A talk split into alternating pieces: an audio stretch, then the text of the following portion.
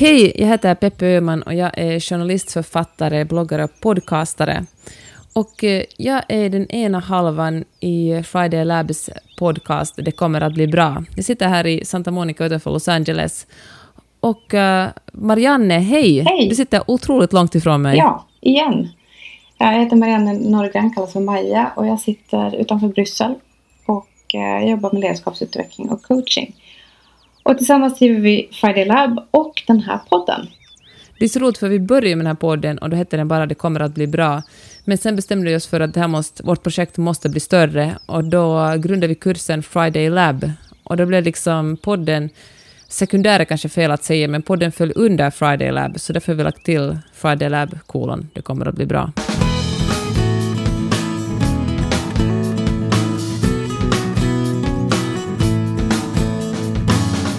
Men idag, Peppe, vi är ju Ja. inte i januari mera. Tänkte säga att Nej, är i början av. Men jag tycker ju, helt som förra året, att februari är en, en utomordentligt bra månad att eh, sätta mål för året. Man är helt för trött i januari i alla fall. Det är mörkt och tråkigt och man är alldeles utpumpad efter julhelgen och alla släktingar man är tvungen att hänga med. Precis. Du, har du satt något mål för i år? Ja, jag tycker faktiskt alltid att det är lite så här uh, genant att säga högt mina mål, för, för då, det låter som... Eller jag får en känsla av att folk ska tänka vem tror du du är? Och det där kommer väl aldrig att hända. Men eh, efter att du coachade mig för ett år sedan har jag blivit lite bättre på det. Och, eh, och jag ska försöka säga högt... eh, jag ska bli bättre på att säga högt. Jag börjar nu. Alltså, mitt mål är att sälja in en tv-serie 2019. Coolt. Så Peppe, en tv-serie, vad, vad blir det? Ja, men det vet jag faktiskt inte än. Jag håller på att snacka med olika produktionsbolag och jag börjar inse att det inte är som att skriva en bok. När man skriver en bok kan man så bara tänka mig också att det här vill jag skriva om och så bara skriver man det. Men jag har börjat inse att när man ska skriva för, eh, för produktions, produktionsbolag som i sin tur vill pitcha in det till en tv-kanal eller, eller, liksom, eller, ett, eller Netflix eller någon annan streamingtjänst, då är de väldigt noga med exakt eh, vad de vill ha. Så de försöker, produktionsbolaget försöker läsa kanalens tankar och är sådär, nu vill man ha en ny eh, vet du, vampyrserie, eller nu tror jag att alla kommer att kolla på young adult-serier om hästar, eller eh, romcoms. Romcoms verkar alltid vara populärt. Så nu försöker jag på något sätt läsa produktionsbolagens tankar, som i sin tur försöker läsa kanalens tankar, och så försöker vi tillsammans komma på någonting som är bästsäljande. Hur funkar det här för din kreativitet? Men alltså det funkar överraskande bra. Det är ju, jag har insett att det är så mycket lättare att vara kreativ med ramar. När någon säger att kan du skriva någonting inom den här kategorin eller med den här rubriken är det mycket lättare än att, äh, än att bara börja från ingenting alls och skapa en helt ny värld. Det sagt är det också otroligt svårt ändå, för att trots att det finns en, en rubrik, till exempel skriv någonting apokalyptiskt, så, så är det svårt att, att ja, men, bygga en hel värld. För det, för det finns ingenting som är rätt eller fel, utan allt, är, ja, men, allt kan vara rätt eller det kan vara helt fel. Så det är... Ja, men det, jag, känner verkligen hur mitt, eh, hur mitt så känslomässigt uh, rör mig i en berg och dalbana där jag varannan dag känner mig som ett geni och varannan dag känner jag mig verkligen som en sån loser att, eh, att jag vet inte vad liksom.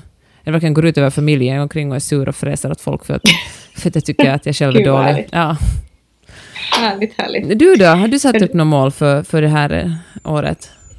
Ja, Jag har börjat. Alltså jag, jag gjorde faktiskt ganska noga uh, slutarbete och försökte eh, paketera 2018. Att man liksom inte bara du, att man inte bara fokuserar genast på att sätta nya mål utan Mm. också titta på vad som hände förra året. Så det gjorde jag noggrant i januari men det har varit lite trögstartat att sätta mål för året. Men jag har faktiskt, jag brukar, då jag själv är coach så brukar jag själv jobba med en coach då för min egen Jaha, vad smart. utveckling. Det, ja, men det känns ju som det enda rätta att göra.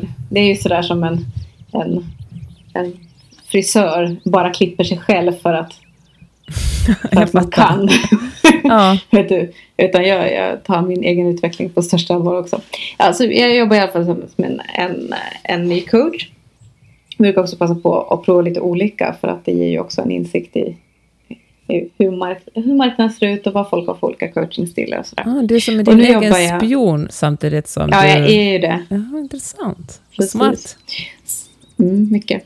Så min coach som då inte känner mig överhuvudtaget. Vi hade ett för, första samtal förra veckan och då ville jag jobba med henne just kring eh, målsättning.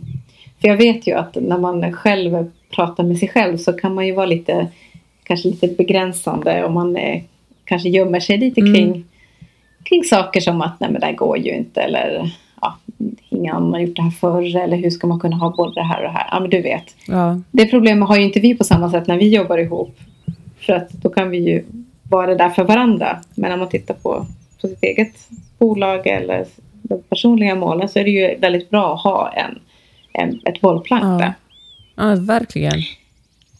Men det var ganska roligt för då hade jag gått in i det här samtalet förberedd och tänkt att jag vill bara titta på, på den professionella biten av 2019. Och ganska snabbt kom jag in på att, men, helt som jag märker med klienter också, att man kan, det är väldigt svårt att, att bara se på en del av sitt liv. Om man ska prata om fokus och energi. Eh, så man behöver ju se på alla delar för att kunna vara säker på att man fördelar fokuset rätt.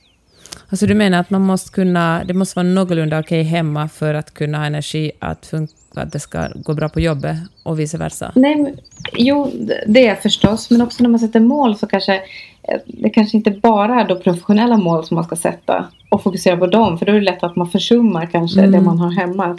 Att kanske man ska sätta lite olika mål på olika delar av livet. Så för mig blev det då från att bara ha tänkt liksom, på mitt bolag så blev det liksom att titta på familjen och titta på mig själv. Det är kanske den biten man oftast glömmer. Om det inte handlar om träningsmål. Det är mm. ju de flesta duktiga på att sätta. Intressant det där. Hålla. Kan vi stanna upp i det lite? För det, ja. Är det för att träningsmål är så konkreta? Man säger att jag ska springa ett maraton eller jag ska gå till gymmet ett visst antal gånger i, i veckan. Men eh, mm. vad skulle kunna vara motsvarande för sitt, liksom ett, ens själsliga mående? Ja, för det tror jag är, de allra, allra flesta skulle behöva sätta mål kring det snarare än sin fysiska hälsa. Ja. Det är min uppfattning. Jag vet inte. Nej men verkligen. Jag tänker att liksom de gånger i livet som jag mått som sämst när jag tagit slut med någon pojkvän eller annars haft ångest, då har jag på något sätt botat det genom att springa. Och det finns tycker jag alltid mm. en lite sån här ja, men, om man ska vara så här krass, eh, så här, kökspsykologisk handlar det om att man bara springer, springer iväg från sina egna känslor. Mm. Nu kände jag en kort sekund att oj, jag önskar att jag fungerade så. jag som, som en del av målen i år faktiskt har anmält mig till ett lopp här om tre ja. månader på 10 kilometer och ja, jag bara kämpar med att ta mig ut i snösrasket för att komma Ja, men det är inte så kul att träna löp, liksom löpning Nej, det är när det snöar. Men det, ja, det fanns en orsak till att vi valde att lägga in det, det loppet i alla fall. Nej men att om man tänker på, man kan dela upp det liksom i uh, body, mind och emotional. Att försöka titta på de här olika delarna. Att vad är det som är viktigt? Vad är det som är viktigt för mig för att jag ska må bra som en helhet? Så kanske sätta upp lite små mål. Då kan det ju vara till exempel att man uh, ser till att man under veckan har någon tid som är ens egen. Som mm. man helt rår för själv där det inte förväntas någon sorts prestation. Det kan ju vara att man tar ett långt bad på en söndag eller eller för mig är det att jag ligger på söndagar så har jag so sovmorgon och ligger och läser tre senaste dagarnas DN plus lite bok plus lite annat. Väldigt härligt. Och eh, att man tittar liksom på det. Och samma då för, för det kroppsliga, vad är det man behöver röra på sig. Eh, kanske inte röra på sig om det går till ja. överdrift lätt och sådär. Och sen det här e-, emotionella, hur, hur står man till mellan att ge och ta? Är det så att man egentligen ger lite för mycket, att man tar av sina egna reserver, så kanske man behöver titta på det. Ja, jag tänker att det nu, utan att generalisera för mycket, känner jag att det där är lite ett eh, uh, trots kvinnoproblem. Att man vill bara att allt ska löpa så bra och enkelt som möjligt i familjen, så man gör det kanske lite på bekostnad av sitt eget välmående. För jag tänker att kvinnor blir liksom uppfostrade att, att ta hand om andra vara så jävla behagfulla och trevliga och, och liksom skapa god stämning hela tiden. Och det är ju enbart positiva saker, men jag tror att det inte sällan går ut över ens egna... Ja, men att, att liksom man tar mer än man har. Och balans är ju viktigt i alla, alla saker. Alltså jag menar, alla delar av livet så behöver man ju titta på att hur, hur ligger det till med balansen här och korrigerar. Du sa någonting om att, äh, att när man ska kolla på liksom hela sitt liv och äh, alla delar, att man ska kolla också på de små sakerna. Och då fick jag en sån här upplevelse, det är det du alltid brukar tala om, att man måste stycka upp sina målsättningar, inte göra det som jag nu gjorde, sa att jag ska göra ett 2019 ska jag göra det här jättestora projektet, punkt. Mm. Utan istället på något sätt, äh, jag menar, ta fram kökskniven och hacka upp det i små delar. Ja, men precis. Kolla vad det är som är viktigast. Äh, varför, alltså just verkligen göra analysen att varför vill jag uppnå det här målet? Ja. För att jag är en LA-klyscha kan jag ge svaret. jag ska sätta mig på ett café och se svår ut. Öppna min Macbook Pro och och skriva på den stora. Okej, okay, så det är ditt why? Åh oh, herregud vad jag är patetisk och inte... inte alls. Ja. Nej men det är viktigt att veta varför man gör det. Och jag menar det behöver inte betyda att, att man inte, alltså att man kommer fram till en orsak som inte är relevant. Det är mm. ju ganska skitsamma men det är bra att veta vad det är. Det som jag har tänkt på ofta är att eh, jag faktiskt många gånger i livet har haft sådana målsättningar som egentligen nog har varit mina egna, men de har liksom hängt med så länge att jag har trott att jag fortfarande vill det. Något som jag ville när jag var 25 mm. eller 30 kanske. Och så bara har de på något sätt liksom suttit fast i mig, så jag, så jag liksom gått efter, liksom rört mig mot mål som, som jag inte vill längre, som liksom 25-åriga Peppe kanske ville. Och, jag och vad, har du några exempel på det? Nej, men för riktigt länge sedan så ville jag ju, min dröm var ju att bli diplomat och att jobba på UM och, och, och liksom, ja, men vara ambassadör. Och jag jobbar ju mm. på, på utrikesminister i flera omgångar och liksom på Finlands ambassad i Buenos Aires. Så liksom, det kändes verkligen att det här är min bana. Men, men, äh, men sen någonstans tyckte jag faktiskt aldrig det var så roligt. Det var ju verkligen långt ifrån att vara ambassadör. Det är kanske skitroligt att vara ambassadör, det vet jag ingenting om. Men, äh, men då kände jag att äh, nej, jag ville, och jag ville, jag ville också det för att mina föräldrar tyckte det var så otroligt fint att de hade en dotter som, som hade ett sånt jobb. Men mm. så fort jag började jobba som journalist kände mig så otroligt mycket mer hemma.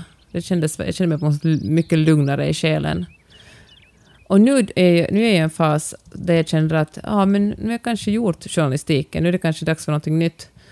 Mm. Och uh, jag kan säga att det är också ganska ångestfyllt att, att, att liksom flytta från någonting som har känts väldigt bekant och som jag verkligen vet att jag är ganska duktig på det här, till att uh, gå över till en ett, liksom en bransch där jag verkligen är nybörjare, där jag vet att jag är ganska dålig på det här, för man är ganska dålig i början. Sen kanske man blir bättre, men att äh, ja, ändå bara göra det. Ja, det är smärtsamt. Ja. Det är smärtsamt. Det tar liksom på ens ego, alltså jag känner hur liksom mitt ego verkligen lite, blir lite skamfilat. Jag fick en, en, en aha-upplevelse. Jag pratade med den här coachen då som, jag menar, hon, hon sitter i Hongkong. Hon känner inte mig. Vi har aldrig träffats. Hon sitter i Hongkong? Uh, Nej, vad roligt. long story. Men, uh, men det var så, så roligt att när vi började uh, då spelka upp de här olika områdena som jag skulle då börja göra mitt målarbete med. Så ett ord som jag återkom hela tiden var fun. Att, att det ska vara roligt. Uh. Och det var inte jag som snappade upp det utan hon som en coach som lyssnar på vad jag säger och, och ger det tillbaka till mig. Sådär. Och det verkar som att roligt är ett viktigt ord här i de här olika delarna. Och då slog det mig att, att när jag för första gången jobbade med en coach mm. för två och ett halvt år sedan. Och då, då hade jag också fokus på mitt professionella, det här, det här nya som verkligen var nytt för mig då. Där jag inte kände mig bekväm, där jag hade alla symptom av imposter syndrome. Uh, att det var ett ord som jag längtade efter att använda. Men det, kom, det var så onaturligt. Genast jag tänkte på min roll och att ha, här håller jag på att starta företag och jag ska gå ut till kunder och mm. säga att jag kan det här. Det var allt annat än roligt. Alltså det fanns ingen glädje i det alls annat än att jag visste att jag måste göra det här för jag vill göra det. Men jag var så rädd för att för att inte framstå som professionell eller kompetent. Så jag var så att, paketerade in ja. i en sån här jättehård rustning. Men jag kan verkligen förstå det. Och jag har inte tänkt på att den saker ska ha ändrats. Det är klart att den har ändrats, men jag har inte tänkt på det. Förrän hon nu sa att, att fun verkar vara ett ord som kommer. Så att ja, men det har ju verkligen ändrats. För jag gör ju bara roliga saker nu. Och jag bryr mig inte så jättemycket om att hur det uppfattas på den professionella mm. skalan. Förstår du vad jag, jag menar? Jag förstår precis vad du menar. Det har vi också talat om tidigare i podden, att, att det kanske är snäppet lättare att, bry sig, att inte bry sig så mycket när man, eh, när man befinner sig på en annan ort än i sin hemstad. Du har ju bott utomlands nästan hela ditt Absolut. vuxna liv. Men eh, jag kan ju också känna igen den där friheten jag känner, över att inte liksom försöka skriva tv-serier i Helsingfors eller i Stockholm. Trots att det Mm. kanske till och med skulle vara lättare där, eftersom där känner man ju i alla fall de människor. Ja, men jag ska göra min, min hemläxa ordentligt. För det här med att sätta mål handlar inte bara om att skriva ner liksom, korta kommentarer. Utan eh, det pratar vi om i Friday Lambo också. Mm. Att om man tar sig verkligen tid och eh, gör det här ordentligt. Då är det så mycket lättare att nå dit. Men kan du ge ett exempel? Kan du ge liksom en, en övning eller liksom någon, någon slags inspiration till, till den som lyssnar på den här podden och känner att den vill börja med ett målarbete? Nej, men det man kan göra är att, att först eh, det här klassiska smart-testa sina mål. Det vill säga ett mål som måste vara, kunna vara specifikt, äh, mätbart, äh, accepterat, realistiskt och tidsbestämt. Specifikt betyder då alltså att, att vad är det exakt du ska uppnå? Om vi då tar ditt exempel med eh, TV, Mm. TV-manuset. Så vad är det som du tänker ska hända i år? Just Vad är det specifikt som ska hända? Okej, men räcker det att säger att då har jag liksom sålt ett tv-manus? Så det är det specifikt. Du har, du har kommit överens om någon och de... Nej, gud, det, får avtal. nu få, det måste väl hända före sommaren ändå. Jag, jag börjar skriva på, ett, liksom, skriva på själva tv-serien. Det känns väl... Kan, kan kan jag få liksom sikta lite högre? Jo, det får du. Det är klart du ska sikta högre. Så okej, så du har, du har skrivit, alltså du har sålt, En har kommit idé. överens och du har Ja. börjat skriva. Ja. Du har sålt en idé och du har börjat skriva. Okej, så det är specifikt. Eh, är det mätbart Ja, men det är väl det. Det är antingen ja, Ja. eller nej. på den där, både på att ha sålt det och att du har skrivit? Ja. Ja. Eh, har du accepterat målet? Vad betyder det då? Nej, men det beror ju typ på om jag skulle säga till dig att ja, men jag ska springa ett maraton i Mm. år. Mm. Och det är ju väldigt mätbart. Har jag, skrivit, har, Ja. jag, sk- har jag sprungit det eller inte? Och specifikt är det också. Däremot i mitt fall är det inte accepterat. För jag är ju inte beredd att öva. Alltså jag är inte beredd på att springa så mycket som jag skulle behöva göra Nej. för att kunna springa ett maraton. Alltså har jag själv inte accepterat det målet. Nej. Jag kan låtsas att jag har gjort det. Ja. Men jag vet ju att om jag ställer mig den, själv den frågan att kommer jag prioritera det här framom Ja. andra saker så är svaret nej. Och då går det liksom i sop. ja. Och orsaken är att du inte vill det tillräckligt mycket. För att om du verkligen ville det, då kunde du göra det. Jo, men klart det. Men det vill jag ju verkligen inte. Okej, vi, har, vi är både klara om det nu, Maja. Ja, nej, men alltså jag tänker så acceptera kan ju vara att man, man är, ja exakt, är det tydligt nu hur var jag ligger? nej men alltså det är ju ofta så att vi kan, vi kan ta andras mål och adoptera dem till våra egna. Ja, just ja, Alltså verkligen. det kan ju vara så enkelt som att ja, alla tittar på den här Marie Kondo Netflix-serien nu. Jag också. Älskar det.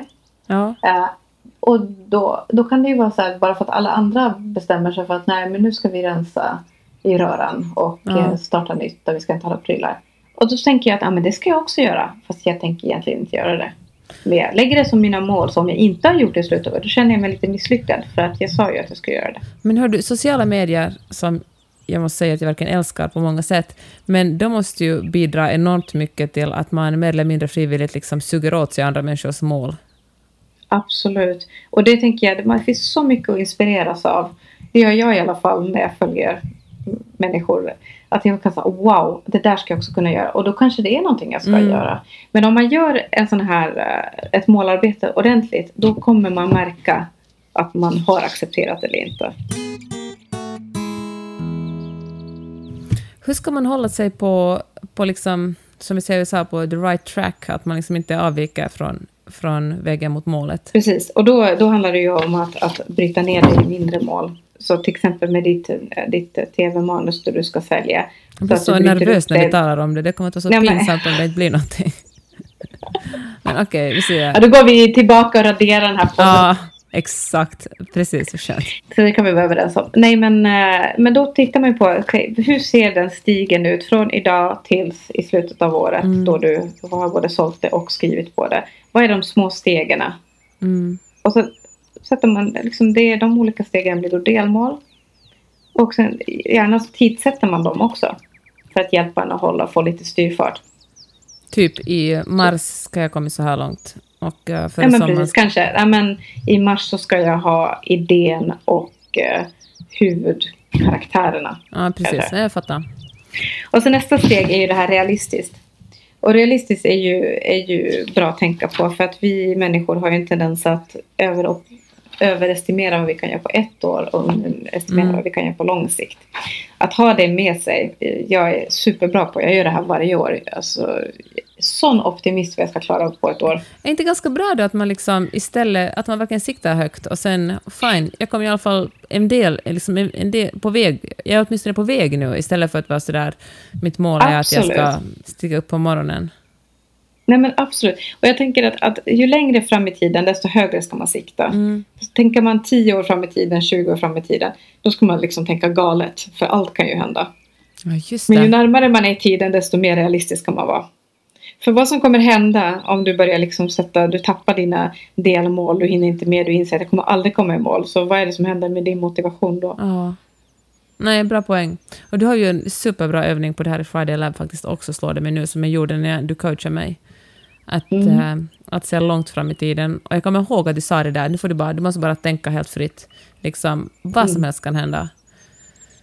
Det är ganska läskigt också det där, när du, som man säger sådär, att det kan, bli, det kan bli hur stort som helst. För jag tror att, att eh, många människor är lika rädda för att, eh, för att misslyckas som för att lyckas.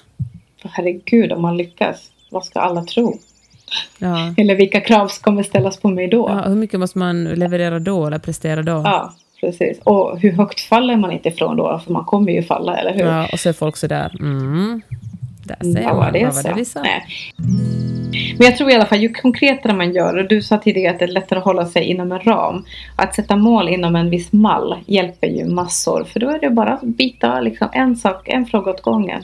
Ja, Och den sista bokstaven är ju där T då, tidsbestämt. Att man sätter en tid när man ska ha uppnått det här målet. Eh, och sen också att man lägger in lite mellan, mellanmål där längs vägen så att man håller sig på banan. men det som vi jobbar mycket med i Friday Lab är att skriva ner liksom varje vecka ungefär, det här, ska jag, det här är målsättningen för veckan. Är det liksom ett, Mm. känns, är det ett Alltså, om, om vi ska göra det och du säger att nej, det är ett- dåligt sätt, så är det... Men är, inte, men, men är det liksom, är det, är det liksom en bra grundkurs att man börjar med att Jag varje det är, vecka... Men det tycker jag är jättebra. Men jag tycker att det är kanske lite konstigt att på sikt hålla på så varje vecka om man inte har tittat lite längre fram också. Mm. Eller hur? Hur ska man göra då om man, om man känner att nej, det här går inte, liksom. jag misslyckades? Att man tappar, eh, att man inte når dit man har tänkt att man Ja. ska nå på ett år. Nej, men då kan man ju gå tillbaka och titta och det tycker jag, alltså, när vi jobbar med målsättning så tittar vi också på att vi vet ju ofta vad våra fallgropar är. Ja. Alltså ofta är ju till exempel man ska ta tag i någonting privat och ens fallgrop är att man alltid jobbar. Och då kan det vara klokt att redan när man sätter de här målen att man då tittar på okej jag har kanske satt det här målet förr på ett visst sätt eh, och det har inte funkat. Vad var det som gjorde att det inte blev så då? Är det någonting som står inom min makt? Eh, är det så att jag behöver planlägga det här Just det. liksom tidsmässigt? Just det. till exempel? Eller är det så helt enkelt så att, jag, att jag måste, om det här ska hända så måste det bli en första prioritet och vad är det då jag ska prioritera bort? Just det, för det sa du också att målsättning handlar också om att välja bort grejer. Att känna att det här är Absolut. någonting, det här är liksom bara barlast, det här måste vi det här måste släppa och åka vidare från. Jag var på en lunch och fick det är så härligt att gå på lunch med människor som levererar, Ja. levererar artiklar och tankar och idéer. Och jag fick en Warren Buffett-artikel med mig från den lunchen. Där han, eh, han beskrev hur han sätter mål. Och han, eh, han, gör, han listar var det 20 mål per år. eh, Som han vill jobba mot. Och sen av de 20 så prioriterar han de fem viktigaste. Mm. Och de 15 som inte kvalar på de fem viktigaste, de går på en egen lista som heter Får absolut inte arbeta mot mål. Jaha! Nej, Och det där vad... tycker jag var helt jätteintressant och tänkte att "Gud, det där, det är någonting för mig. För jag vet precis vad som händer när man har, man vet precis vad man ska göra, man jobbar mot det, men så fastnar man på Ja, ett sätt eller annat. Man känner att man inte kommer vidare. Då är det ju jättelätt att hitta andra viktiga projekt som också är viktiga. som frestar en. Som frestar en. Ja, och så Så känner man sig verkligen duktig. motivera. Ja. Och så känner man sig duktig och så börjar man leverera på dem. Och slutsatsen blir att man får många saker gjorda men ingen liksom fullt ut. Bara man inte blir jättenöjd. Ja. Eller kanske Ja. Så det handlar ju också om fokus. Och det, när jag blir färdig med min lilla målövning här, så det ska jag verkligen göra i år. Att jag ska identifiera vilka saker det inte får göra. ja, det ska jag också göra. Verkligen. Har du redan, kan du komma på någonting som du vet kommer gå på den listan? Ja, jag kommer att eh, komma på eh, journalistiska idéer som är pitchar åt olika håll. Det gjorde jag igår faktiskt. Jag träffade en jätteintressant eh, entreprenör på en middag i lördags. Och så tänkte jag, min Mm. första tanke var sådär att den här ska, borde man, det här borde man göra en, en artikel om, jag borde intervjua honom. Och, Mm. och så skickade jag faktiskt det här förslaget till en tidning jag jobbade för och frågade skulle ni vilja ha en intervju med den här personen. Och det var, gjorde jag nog mest för att det är mycket lättare att göra en sån sak än att sitta och Mm. skriva på, något, på ett TV-manus som jag känner mig otroligt osäker, osäker kring. Så vad är det du behöver formulera för dig själv? Att, eh, jag menar att styra bort tankarna från allt man kunde göra intressanta journalistiska reportage om. Du då, Mm. kom du på någonting? Nej, men jag, eh, alltså, jag har en ganska klok man faktiskt som när jag ibland kommer på sådana här jätte, jag blir jätteivrig för jag kommer på någon sån här ny businessidé och, Mm. och sen kan han vara till mig så hmm. Men eh, alltså är det där liksom, stödjer det här i de här andra grejerna? Och då kan jag bli lite sur kanske. Ja, Lite. man bara Men samtidigt inse att han har rätt. Och faktiskt när han läste den här artikeln, jag tror det var när han läste den här artikeln som- av Warren Buffett, så var han just med, hörde du den här saken som jag sköt ner här före julen, eh, att, uh, gjorde jag fel där? Jag bara, nej, du gjorde helt rätt då. Ja. Eh, att man behöver sina filter, men allra bäst är det förstås om man själv tar sig tiden och identifierar vilka de där sakerna är så att man inte behöver dra in sina äkta hälfter i det. Ja, fast det får de väl ta. Jag tycker det... Ja, men det får de. Nej, nej, nej, men det, det är helt klart. Men jag tror det, det är en bra övning att göra. Vilka är de fem målen? Och de fem målen betyder ju inte att det är fem saker, utan det är fem mål som har många stödjande pelare Ja. förstås. Ja, men precis. De står på många ben liksom. Exakt. Men sen behöver man titta på, okej, vilka saker jag gärna flyr till, som också är väldigt bra och viktiga. Men så för att det här året ska bli ett annorlunda år, där det ska nå, längre inom de områden jag har ja, liksom identifierat, vilka är det jag behöver sätta på inte röra-listan? Då Otroligt bra. de ju få bubbla, bubbla nästa år igen. Jag menar, det är ju bara för ett år framöver. Ja, exakt. Det är också en tröst. Att det kanske är någon som bara, någonting som bara får vänta nu på sin tur. Och att eh, deras tid kommer kanske nästa år, eller näst, nästa år. Okej, innan vi slutar, Marianne, kan du ge våra lyssnare en övning? Ja, det ska vi göra. Så om du känner att du vill sätta mål för 2019 så kan du göra så här. Att du skriver ner 20 mål inom alla delar av livet som du vill täcka. Eh, av de 20 målen så markerar du de som är fem viktigaste. Och de fem viktigaste målen så går du igenom det här smart, smart-tänket. Är det specifikt? Mätbart? Eh, är det accepterat? Realistiskt och tidsbundet? Och dela upp dem i delmål. Och sen de här 15 då som inte kvalar, sätt dem på en svart lista någonstans. Så du vet att de här sakerna måste jag lite hålla mig borta för. Och sen ta och committa till någon annan. Jag menar, det är- det är lite Mm. jobbigt att berätta för folk vad man har satt för mål. Men någon människa, någon människa kan du hitta. Eller så skriver du till mig och Peppe. Ja, Just det, det är en bra idé. Det här ska jag göra. Ja. Och sen kommer Det vi att vi fråga dig i slutet av året. Hur gick det? Och vi nås ju på connectatfridaylab.se till exempel. Och så finns Och vi så finns på, vi på Insta. Instagram Ja, ja, och Facebook. Så hör av er. Och hörni, tusen tack för att ni har lyssnat den här gången. Vi försöker vara tillbaka om några veckor igen. Ha det så bra det Peppe. så, detsamma Marianne. Du ska gå och lägga dig snart, Ja, tänker jag. Ja, nu sova. Bra. Godnatt hör du. Ja, godnatt. Hej då. Ha det bra. Hej.